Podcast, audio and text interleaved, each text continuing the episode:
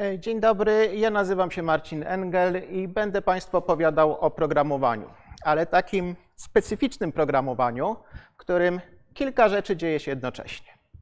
Tytuł tej prezentacji jest parafrazą aforyzmu przypisywanego Tadeuszowi Bojowi Żeleńskiemu, e, co takie sformułowanie ma wspólnego z programowaniem współbieżnym i na czym polega ten ambaras, e, mam nadzieję, że wkrótce się przekonamy. E, Podobnie jak mój poprzednik, który prowadził Państwa na wycieczkę w coraz głębszy las, tak ja mogę obiecać, że ten ambaras będzie coraz, coraz większy, aż skończy się czas i znów będzie ambaras. Więc zobaczymy, ile zdążymy opowiedzieć. E, Proszę Państwa, ja będę ilustrował te rzeczy na przykładzie prostych programów w języku C. Jeśli ktoś z Państwa nie zna C, ba, jeśli ktoś z Państwa w ogóle nie umie programować, niech się nie martwi. Ja spróbuję te programy opisywać e, w taki sposób, e, w miarę możliwości, nie bardzo techniczny. Zacznijmy od czegoś bardzo, bardzo prostego. Powiedzmy, że mamy zmienną y. Zmienna to takie pudełeczko, które może przechowywać wartość określonego typu, na przykład liczbę całkowitą. No i powiedzmy, że w tym pudełeczku na dzień dobry, na początku, siedzi sobie wartość 0. No i teraz wykonujemy jedną rzecz, mianowicie zwiększamy y o 1. To w C zapisuje się w postaci y++, więc ja taką notację za chwileczkę będę stosował, ale to jest zwiększenie zmiennej o 1. Proszę Państwa, co się znajdzie w tym pudełku po wykonaniu tej instrukcji? No jeden, to nie ma wyjścia, musi tam być jeden i nie ma się nad czym zastanawiać. Świetnie, to był pierwszy program. Drugi program. Znów załóżmy, że sytuacja jest podobna, czyli mamy zmienną, na początku w tej zmiennej jest wartość 0, no i znów ją zwiększamy o 1, ale robimy to pięciokrotnie. Czyli pięciokrotnie powtarzamy, zwiększ, zwiększ y o 1. E, Znów, w języku C napisałbym to w taki sposób, no ale mam nadzieję, że wszyscy wiedzą o co chodzi i wszyscy spodziewają się, że na końcu y będzie równy 5. Jasne, nie ma się też nad czym zastanawiać. No a co się stanie, jeśli ten program wykonamy dwukrotnie? To znaczy zrobimy tak. Weźmiemy zmienną y, która ma wartość 0, zwiększymy ją pięciokrotnie o 1, po czym natychmiast drugi raz puścimy ten sam program, który zwiększa to, co było wynikiem poprzedniego, znów pięciokrotnie o 1. To na końcu otrzymamy 10. Tak, wielkość tego pudełeczka już świadczy o tym, że tam musi być liczba dwucyfrowa i rzeczywiście tam jest liczba dwucyfrowa. No dobra, ale powiedzmy, że mamy komputer, który ma dwa procesory. I zrobimy teraz tak. Zmienna znowu będzie miała początkową wartość 0. I teraz te dwa programy zwiększające y pięciokrotnie o 1 uruchomimy, ale na dwóch różnych procesorach. Pierwszy procesor będzie wykonywał pięciokrotne zwiększenie y, drugi pięciokrotne zwiększenie y. Suma summarum, ten y znów się zwiększy o 10, prawda? Więc logiczne jest oczekiwać, że na końcu y będzie miało wartość 10. No to jest tak jak z lepieniem pierogów, tak? Każde zwiększenie to jest ulepienie jednego pieroga. Eee, jak będę musiał ulepić 10 pierogów sam, to pewnie będę to robił dłużej niż dwie osoby lepiące po 5 pierogów, ale koniec końców pierogów będzie 10. Tak by się mogło wydawać. No to zobaczmy, czy tak jest w rzeczywistości. Ja tutaj przygotowałem e, program napisany pod system Linux e, za pomocą wątków. Nieważne to jest w tym momencie, ale zobaczcie proszę, co tu się dzieje. Mamy dwa wywołania, dwa programy, z których każdy, no nie pięć razy, bo zmienna ile tutaj jest ustawiona na 10 milionów, czyli każdy z tych procesów 10 milionów razy zwiększa zmienną y zainicjowaną początkowo na 0. E, Żeby jeszcze Państwu pokazać, E, jak to zwiększ działa? No nie ma tutaj wielkiej tajemnicy, po prostu Y++, tak jak, tak jak to e, pokazywałem na slajdzie. No dobra, spróbujmy sobie uruchomić ten program. E,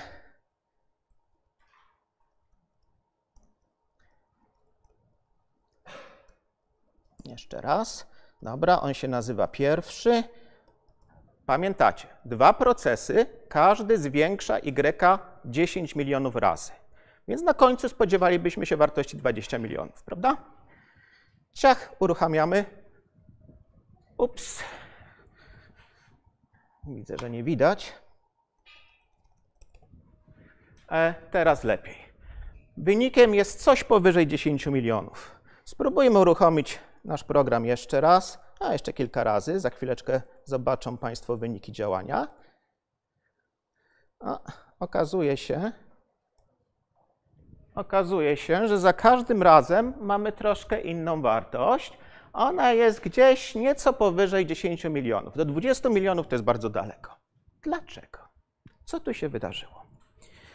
Otóż, żeby zrozumieć, co się tu wydarzyło, musimy zrozumieć, co tak naprawdę wykonuje komputer.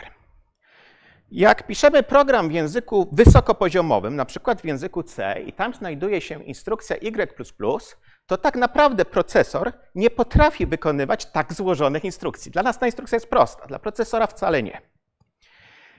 Program napisany w takim języku C musi zostać najpierw przetłumaczony, mówimy skompilowany, do tak zwanego kodu maszynowego. Do ciągu zer i jedynek, które są zrozumiałe przez komputer. E, no i niespodziankę mam dla Państwa.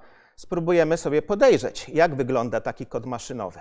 Oczywiście nie będziemy tego robić, nie będziemy tego robić, nie będziemy oglądać tego ciągu zer jedynek, tylko spróbujemy sobie zobaczyć, z ilu rozkazów maszynowych składa się taka operacja zwiększenia.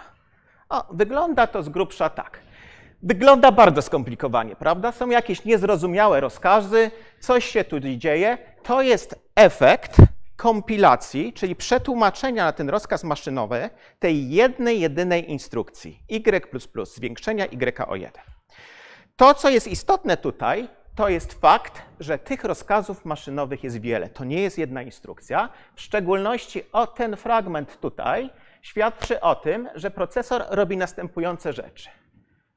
Odczytuje sobie wartość x i zapisuje go w jakiejś swojej lokalnej zmiennej zwanej rejestrem. Do tego rejestru dodaje jedynkę, jedynkę, a potem wynik z powrotem zapisuje do pamięci do zmiennej y. Czyli ten proces zwiększenia y o 1 jest jakby trzyetapowy. Weź z pamięci y, zapisz w rejestrze, zwiększ rejestr i tak zwiększoną wartość wpisz z powrotem do pamięci. E, no dobrze. Czyli w skrócie możemy myśleć o takim programie jako o czymś, co składa się z trzech instrukcji. Odczytaj y, zapisz w rejestrze, zwiększ rejestr i zapisz y z powrotem. No dobrze, a cóż to takiego jest ten magiczny rejestr? Ano, żeby się dowiedzieć, czym jest rejestr, musimy zajrzeć w głąb procesora. Zaglądamy. E, procesor składa się z wielu różnych układów, z wielu części. No i w szczególności jest tu pakiet takich pudełeczek znowu. Rejestr to nic innego jak pudełeczko, tak jak i zmienna. Ja tutaj napisałem, narysowałem cztery rejestry. W rzeczywistych procesorach tych rejestrów jest czasem więcej, czasem mniej, ale z reguły ta liczba nie przekracza kilkanaście, no może kilkadziesiąt e, rejestrów. E, one tym różnią się od zmiennych, że dostęp do nich jest bardzo, bardzo szybki. E, drugim układem, który gra ma znaczenie dla naszych rozważań, jest układ arytmetyczno-logiczny. To jest ten układ, który wykonuje dodawanie, odejmowanie, wszystkie operacje e, arytmetyczne i logiczne. Ten układ w niektórych procesorach potrafi pracować jedynie na wartościach przechowywanych w rejestrach. W innych potrafi sięgać i zapisywać do pamięci, ale w niektórych pracuje tylko na rejestrach. E, no więc proszę Państwa, jeśli w pamięci mamy tego Y, to co się tutaj zadziało? Y trafił do rejestru. Teraz dzięki temu, że jest w rejestrze, ALU ma do niego szybki dostęp, może nim manipulować, wykonuje zwiększenie, po czym Y trafia z powrotem do pamięci. Tak to widać mniej więcej, co, co się dzieje. A co się dzieje, jeśli mamy dwa procesory? A no jeśli mamy dwa procesory,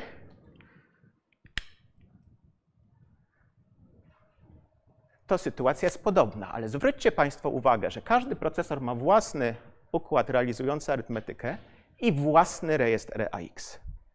I każdy inny.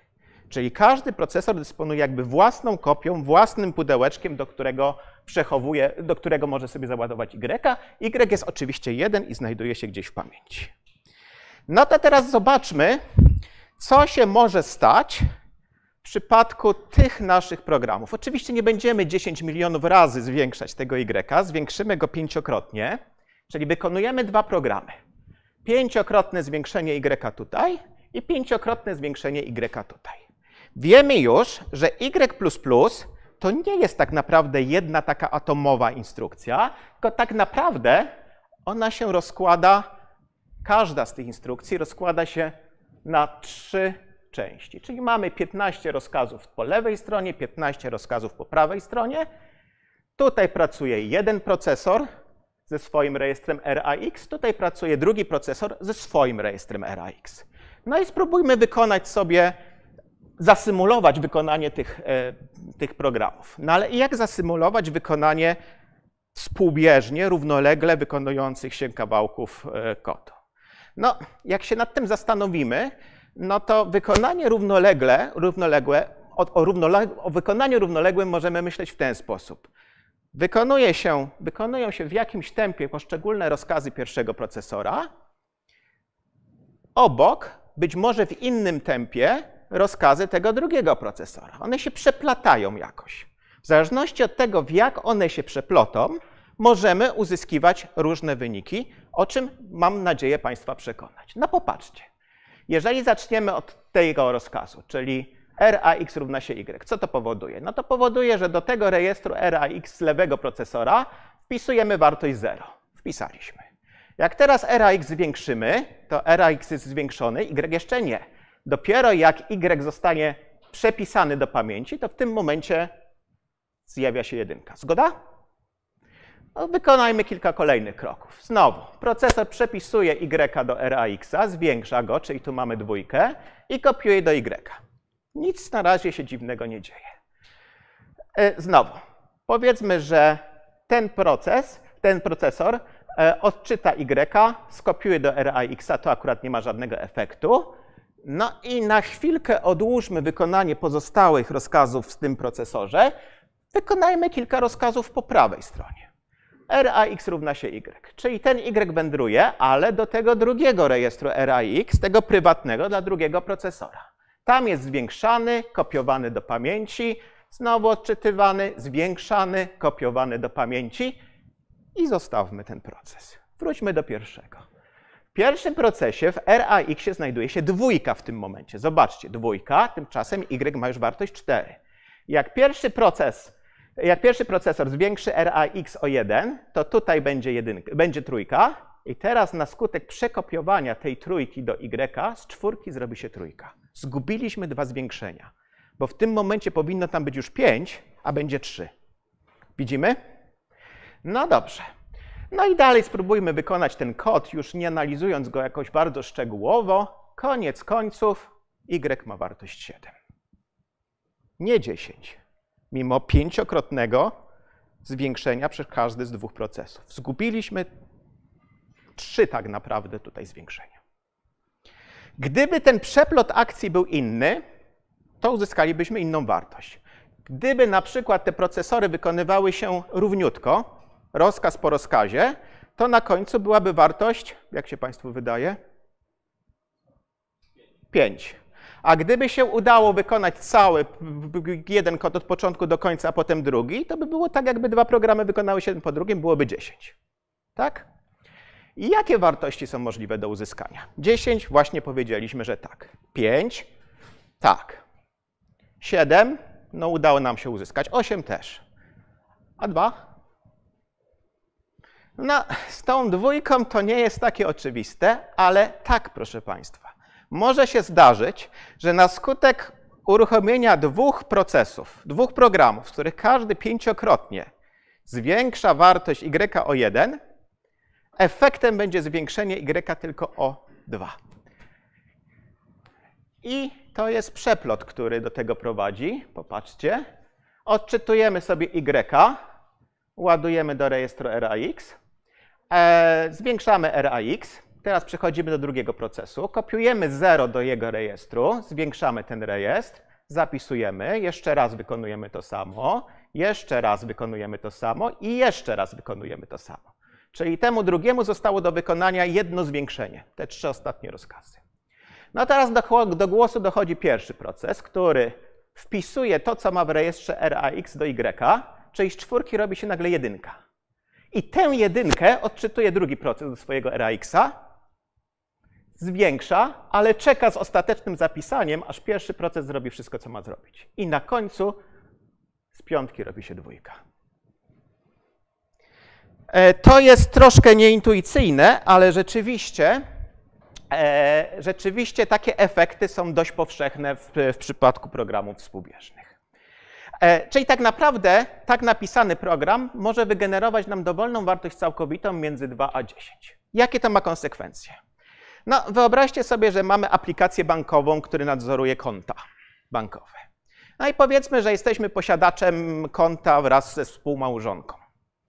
No to co się może zdarzyć? Mamy jakieś saldo, no i teraz nic nie stoi na przeszkodzie, żebym ja e, w bankomacie wpłacał na, na konto 1000 zł, a jednocześnie żona blikiem coś kupowała, wydając 2000 zł. No może się tak zdarzyć, tak? E, co wiemy o tych rozkazach? Co wiemy o tych instrukcjach? Tak samo jak zwiększenie, one nie są atomowe. One gdzieś tam są realizowane za pomocą kilku rozkazów maszynowych. Jeżeli zdarzy się tak, że w całości wykona się ta operacja, a potem ta operacja, to oczywiście saldo końcowe będzie prawidłowe i będzie wynosić 4000 zł. Ale jeżeli zdarzy się tak, że o, w tej operacji zostanie odczytane saldo 5000, gdzieś tam lokalnie zostanie zwiększone do 6000, ale nie zostanie zapisane przed całkowitym wykonaniem tej operacji, które spowoduje, że saldo zostanie ustawione na 3000, po czym dopiero wykona się ten zapis, to na koncie będziemy mieć 6000 zł. No, może z naszego punktu widzenia to dobra sytuacja, ale równie dobrze może się zdarzyć sytuacja odwrotna, w której na koncie znajdzie się 3000, no bo zniknie jakby informacja o tym, że wpłata została dokonana. Morał z tego jest taki, jeśli planujemy, programujemy aplikację, program, który ma działać współbieżnie, w którym kilka rzeczy ma się dziać jednocześnie, to zmiana wartości takiej zmiennej, która jest dostępna dla kilku programów, musi odbywać się z wzajemnym wykluczeniem. Co to znaczy? To znaczy, że co najwyżej jeden z tych programów może ją jednocześnie zmieniać, modyfikować. No i w tym cały jest ambaras, kiedy dwoje zmienia naraz. Jak dwoje zmienia naraz, to mamy problem. No można wprowadzać priorytety, ale wtedy ten, który ma niższy priorytet, może nigdy się do tej operacji nie dostać, tak? bo może być ciągle wyprzedzany przez te procesy czy te programy, które mają wyższy priorytet.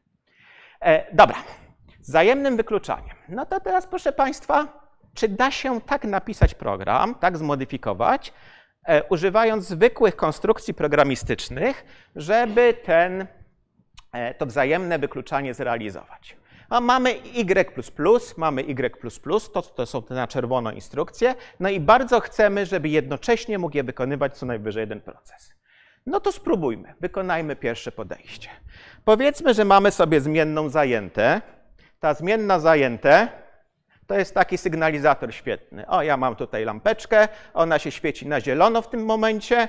Na zielono, czyli oznacza, że można uzyskać dostęp do zmiennej x.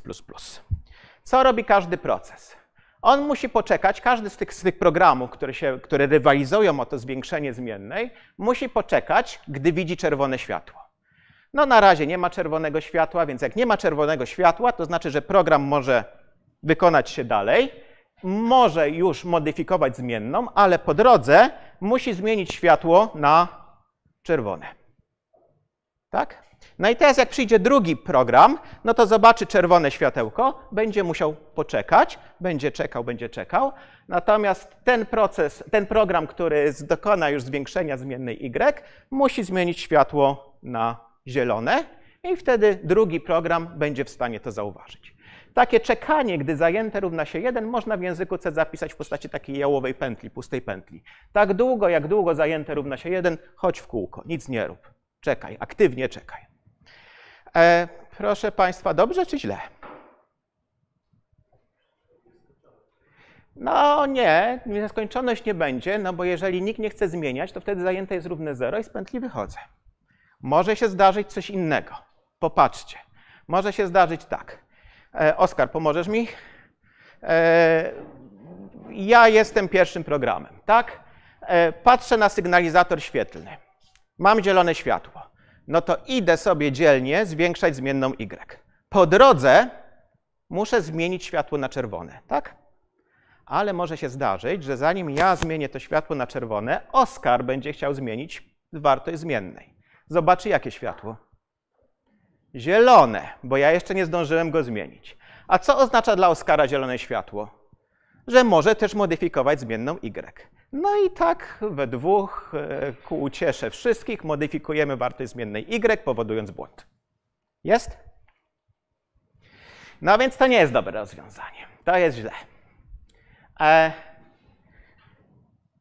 No to spróbujmy inaczej. Wprowadźmy drugi sygnalizator. O, tam jest drugie światełko. I powiedzmy tak, Oskar ma swój sygnalizator i ja mam swój sygnalizator. Jak ja chcę skorzystać, chcę zmodyfikować zmienną, to patrzę na sygnalizator Oskara. Jak tam jest zielone światło, to wolno mi modyfikować zmienną, ale muszę u siebie zmienić światełko na czerwone. Jak teraz Oskar zechce modyfikować zmienną, to patrzy na moje światło. Jest czerwone, ma poczekać. Tak? E, jak już zmodyfikuję zmienną, no to zmieniam światło na zielone.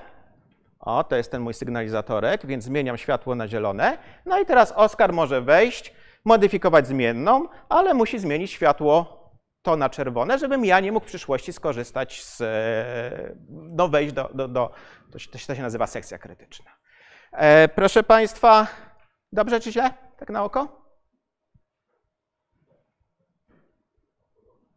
No nie jest dobrze. Znowu, scenariusz jest taki. Powiedzmy, że obaj chcemy naraz, bo w tym jest ambaras. Tak? E, no to co robimy? Oskar patrzy na mój sygnalizator, widzi zielone światło, wolno mu modyfikować zmienną? Wolno. No to zaczyna, po drodze ma zmienić światło to na czerwone. Ale jeśli ja zechcę modyfikować zmienną, zanim on zmodyfikuje tę zmienną, to zobaczy światło zielone i voilà, znów razem e, na zmiennej pracujemy. No nie jest dobrze. Nie jest dobrze, dlatego że e, nie jest dobrze, dlatego że ta zmiana światełka odbyła się za późno. No to spróbujmy zmienić kolejność. Najpierw zapalajmy światło, zmieniajmy na czerwone, a potem czekajmy. Czyli robimy tak. Jak ja chcę zmienić wartość kąta zmiennej, to zmieniam światło na czerwone najpierw. Zmieniam światło na czerwone najpierw. E, potem patrzę na sygnalizator, przepraszam, moje światło zmieniam na czerwone, czyli tamto. O. Potem patrzę na światło Oskara. Jak mam zielone, to wchodzę. On robi odwrotnie, czyli najpierw zapala swoje czerwone, patrzy na moje, jeśli tam jest zielone, to wchodzi. Co teraz się może złego stać? Znowu jak razem zechcemy wejść do tej sekcji krytycznej czy zmodyfikować zmienną. Tak, czekanie w nieskończoność, bo może być tak, że ja chcę, więc zapalam u siebie czerwone. Zanim sprawdzę, jakie światło się świeciło Oskara, to Oskar zmieni swoje na czerwone i mamy obaj, ops, mamy obaj światła czerwone, e, co skutecznie zatrzyma nas na zawsze. E, skracając opowieść, e, prawidłowe rozwiązanie wymaga wprowadzenia do tych dwóch zmiennych jeszcze jednej zmiennej. Ta zmienna mówi, kto no, rozstrzyga konflikt w sytuacji, kiedy dwa programy chcą jednocześnie zmieniać wartość zmiennej e, globalnej. I taki algorytm nazywa się algorytmem Petersona można udowodnić, że on jest algorytmem poprawnym, czyli że nigdy dwa procesy jednocześnie do tych czerwonych fragmentów kodów nie wejdą. I zarazem każdy proces, który chce dokonać modyfikacji, chce się tam znaleźć, w końcu będzie miał taką możliwość. No i ja, proszę Państwa, zaimplementowałem również algorytm Petersona. Dokładnie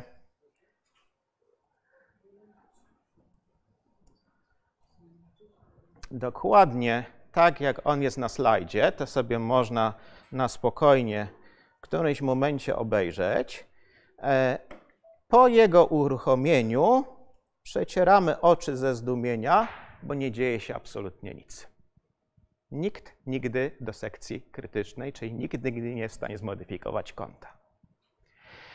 E, dlaczego? Ano dlatego, że znów mamy ambaras. Tym razem ambaras polega na tym, że kompilator nam dokonuje optymalizacji kodu na etapie kompilacji e, i robi tak. Popatrzcie Państwo. Tu mamy przypisanie, kto czeka równa się 1, czyli wkładamy do pudełeczka, kto czeka wartość 1. A tu mamy sprawdzenie, czy kto czeka równa się 1. No to rozsądny kompilator, który dba o to, żeby wygenerować jak najszybciej, jak najsprawniej działający kod, rozumuje w ten sposób. No dobra, skoro tutaj kto czeka jest równy 1, a tutaj programista sprawdza, czy jest równy 1, no to przecież można to pominąć. Wiadomo, że jest równy 1. Ciach, ciach, to znika. I robi się program z czerwonymi światłami, który zatrzymał nas e, obu. I dzieje się to poza wiedzą programisty, o ile kompiluje program z włączoną optymalizacją. Ile mam czasu? Minus dwa. E, dobra, minus dwa. Więc to jest pierwszy problem. Oczywiście można temu zaradzić. E, jeśli zmienne kto czeka, chce 1, chce 2, zadeklaruje się jako tak zwane zmienne ulotne, e, to troszkę polepsza sytuację, ale nie rozwiązuje do końca problemu. Bo jest jeszcze jeden aspekt związany z programowaniem współbieżnym. Mianowicie, współczesne procesory są procesorami o architekturze superskalarnej. E, upraszczając, oznacza to, że w pewnych okolicznościach mogą zmienić kolejność wykonywanych rozkazów, żeby było szybciej, niezależnych od siebie rozkazów. Te przypisania na chce jeden i kto czeka są niezależne, bo operują na innych zmiennych, więc jak się ich zmieni kolejność, więc w pewnych sytuacjach na konkretnych procesorach superskalarnych te wykonania, kolejność tych wykonań może ulec zmianie. Jak ulegnie zmianie, to algorytm staje się algorytmem niepoprawnym. To też można zobaczyć, jeżeli na przykład najpierw będzie kto czeka równa się 1, kto czeka równa się 2, potem wykonamy to przypisanie, potem wykonamy to przepisanie. Nie, nie, mamy czasu, żeby to w tym momencie analizować. Ja tylko chciałem Państwu zasygnalizować problem. E, ten algorytm nie zadziała i wpuści dwa programy do tej sekcji krytycznej. I znów dzieje się to zupełnie bez udziału programisty, bo taka jest natura współczesnych procesorów. Silna optymalizacja powoduje, że ona w większości przypadków oczywiście działa, ale czasami w bardzo specyficznych rozwiązaniach, żeby program zadziałał poprawnie, wymaga jeszcze dodatkowych rozkazów, dodatkowych instrukcji. Takie instrukcje są. Jeśli dopisać do algorytmu Petersona tak zwane rozkazy barierowe, to to wszystko dopiero ma szansę zadziałać. I kończąc, proszę Państwa, podsumowanie. Zmiana wartości zmiennych współdzielonych musi odbywać się z wzajemnym wykluczaniem, żeby nie było problemów. Samo uruchamianie i testowanie programów współbieżnych jest trudne, bo możemy dostawać za każdym razem różne wyniki. Jak za każdym razem dostajemy różne wyniki, to wiemy, że coś jest nie tak, ale może być złośliwie. Może być tak, że testujemy program, daje dobre, dobre wyniki i raz na tysiąc uruchomień coś się źle przeplecie. To jest bardzo trudne do wychwycenia. E, I trzeci punkt, nie wszystko jest takim, jak mi się wydaje. To znaczy, współczesne kompilatory i współczesne procesory oszukują. Potrafią robić różne sztuczki, które zmieniają kolejność wykonania, czy dbają o to, żeby kod był jak najbardziej efektywny, co w przypadku bardziej wrażliwych programów powoduje no, problemy z ich uruchamianiem. Dobra wiadomość jest taka, że Systemy operacyjne dostarczają gotowych e, e, narzędzi do synchronizacji programów i nikt nie musi tego robić za pomocą algorytmu Petersona. Dziękuję, to wszystko.